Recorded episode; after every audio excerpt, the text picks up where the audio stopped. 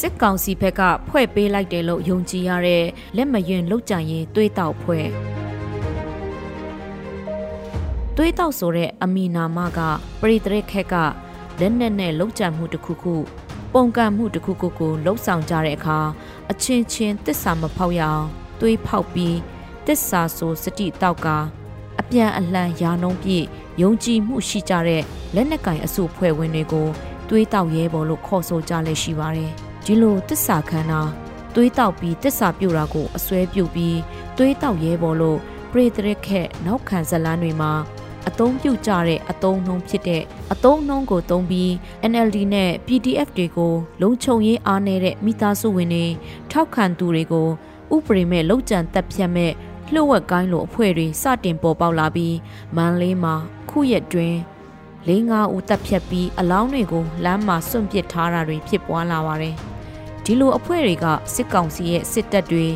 ရဲတွေလှုပ်လေရှိတဲ့လာရောက်ဖမ်းဆီးပြီးနှိပ်စက်တာရိုက်နှက်တာတွေတချို့သောဖြစ်ပျက်တွေမှာအသက်ဆုံးရှုံးသည့်အထိလက်လွန်ချင်လွန်လုပ်တာတွေထက်ပိုရက်ဆက်တဲ့လူရက်တွေဘာအတွက်မှငဲ့စရာမလိုပဲတက်ဖြတ်နိုင်တဲ့တစ်ဖက်ကိုခြောက်ချအောင်ကြောက်လန့်အောင်လှုပ်ဆောင်နိုင်မဲ့လက်စားချေမှုတွေလုပ်နိုင်တဲ့လက်မရွံ့အဖွဲ့လူသက်ကိုင်းလက်စားချေကိုင်းတွေထွက်ပေါ်လာတာဖြစ်ပါတယ်။ မန်းလေးမြို့က NLD ကိုတက်တက်ကြွကြွထောက်ခံတဲ့စိန်ဝင်းဝင်းလက်ဖက်ရည်ဆိုင်ပိုင်ရှင်လင်မယားနဲ့ပိုင်ရှင်ရဲ့ညီဖြစ်သူတို့ကိုပြီးခဲ့တဲ့ရက်ပိုင်းကနေအိမ်မှာလာဖမ်းသွားပြီး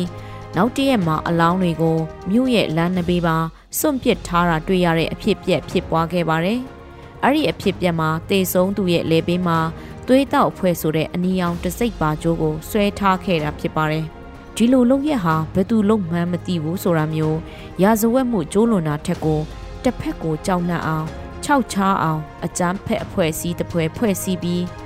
PDF တွေရဲ့အုပ်ချုပ်ရေးမှူးတရင်ပေးတွေကိုလုံခြံတပ်ဖြတ်တဲ့ PDF နဲ့မြို့ပြပျောက်ကြားအဖွဲ့ကိုတံပြန်လုံမဲ့လူသက်အဖွဲ့တွေပေါ်လာတာဖြစ်ပါတယ်။သွေးတောက်အဖွဲ့ဟာစစ်ကောင်စီဘက်ကသူတို့ကိုထောက်ခံသူတွေရက်ွက်အုပ်ချုပ်ရေးမှူးကြန့်ခိုင်ရေးပါတီစီယုံရေးမှူးတွေ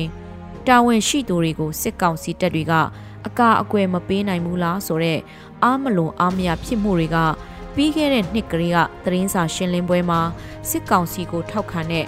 သတင်းမီဒီယာသမားတွေကတကြိမ်မကမင်းနေခဲ့တာဖြစ်ပါတယ်။စစ်ကောင်စီဘက်ကတယောက်ချင်းစီကိုအကာအကွယ်မပေးနိုင်သေးတာကိုဝန်ခံကြောင်းပြန်ဖြေခဲ့တာပါ။ဒီအချက်လက်တွေနဲ့ဆက်ဆက်ကြည့်တဲ့အခါအခုပေါ်ထွက်လာတဲ့သွေးတောက်ဖွဲ့ဟာစစ်တပ်ထောက်ခံသူတွေဘက်က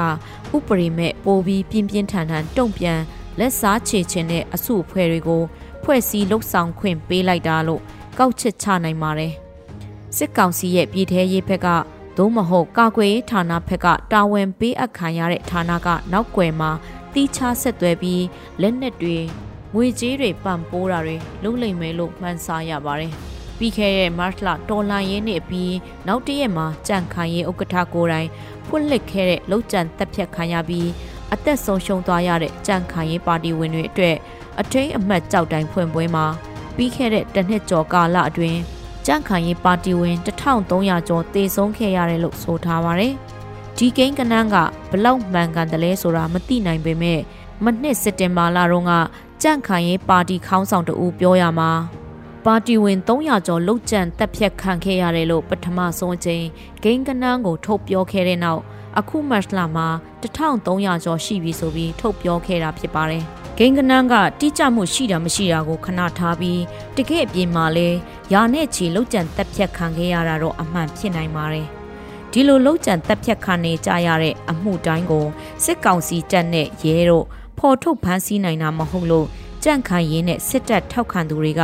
အခုလိုလက်မယွင်းလုံးကြံတက်ဖြတ်တဲ့အဖွဲ့တွေကိုဖွဲ့စည်းပြီးလက်စားချေတုံ့ပြန်ဖို့ပြင်ဆင်လာကြတာလို့ကောက်ချက်ချနိုင်ပါတယ်။ဒီနေ့ဖို့တခြားသတင်းတပုတ်ကတော့ခရိုနီသုံးမဟုတ်တိုင်ကွန်းလို့ခေါ်ကြတဲ့စီးပွားလုပ်ငန်းမျိုးစုံလုပ်ကင်တဲ့ပြည်တွင်းကတထေးကြီးတို့ဖြစ်တဲ့ Eden Company အုပ်စုပိုင်ဆိုင်သူဦးချစ်ခိုင်ကိုစစ်ကောင်စီကအဂရိဥပဒေနဲ့ဖမ်းဆီးလိုက်တာဖြစ်ပါတယ်။ မင်းညပိုင်းကပြည်ပမှပြန်ရောက်လာစဉ်လေစိတ်မှာဖမ်းဆီးလိုက်တာလို့သတင်းတွေကဆိုပါတယ်။ NLD အစိုးရဖွဲ့ဝင်စွမ်းအင်ဝင်ကြီးဟောင်းတစ်တော်နဲ့တယန်စာတနဲ့တဘာဝပတ်ဝန်းကျင်ထိန်သိမ်းရင်ဝင်ကြီးဌာနဝင်ကြီးဟောင်းတွေကိုစစ်ကောင်စီကစစ်အာဏာသိမ်းစဉ်ကလေးကထိမ့်သိမ်းဖမ်းဆီးပြီးနောက်အကရိမှုနဲ့အမှုဆွဲဆိုဖို့လှုပ်ဆောင်ရမှာ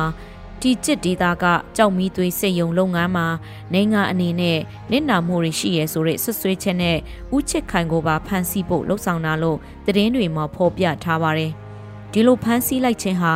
မြန်မာနိုင်ငံမှာလက်တဆုပ်စာအရေးအတွက်ရှိတဲ့လုပ်ငန်းရှင်ခရိုနီထဲကဒုတိယမြောက်ဖမ်းဆီးခံရတဲ့အဖြစ်ပြက်ဖြစ်လာပါတယ်။ မကြာခင်သတင်းပတ်တွေကဥခင်ရွှေနဲ့သားဖြစ်သူတို့ဖမ်းဆီးခံထားရပြီးရှေးဟောင်းပစ္စည်းဥပဒေနဲ့အရေးယူမယ်လို့စစ်ကောင်စီဘက်ကအမှုဖွင့်ထားပြီးအခုတပံရခင်စစ်အစိုးရလက်ထက်ကစစ်ခေါင်းဆောင်ဦးတန်းရွှေနဲ့ရင်းနှီးတဲ့ဆက်ဆံရေးရှိသူလုပ်ငန်းရှင်ကိုပထမဆုံးဖမ်းဆီးခံရတာလည်းဖြစ်ပါတယ်။ခရိုနီလုပ်ငန်းရှင်တွေအနေနဲ့စစ်ကောင်စီကိုအမတုရဲအောင်ရည်ရွယ်ဖမ်းဆီးအရေးယူပြတာလားသို့မဟုတ်ခရိုနီတွေကိုဖိနှိပ်ပြီး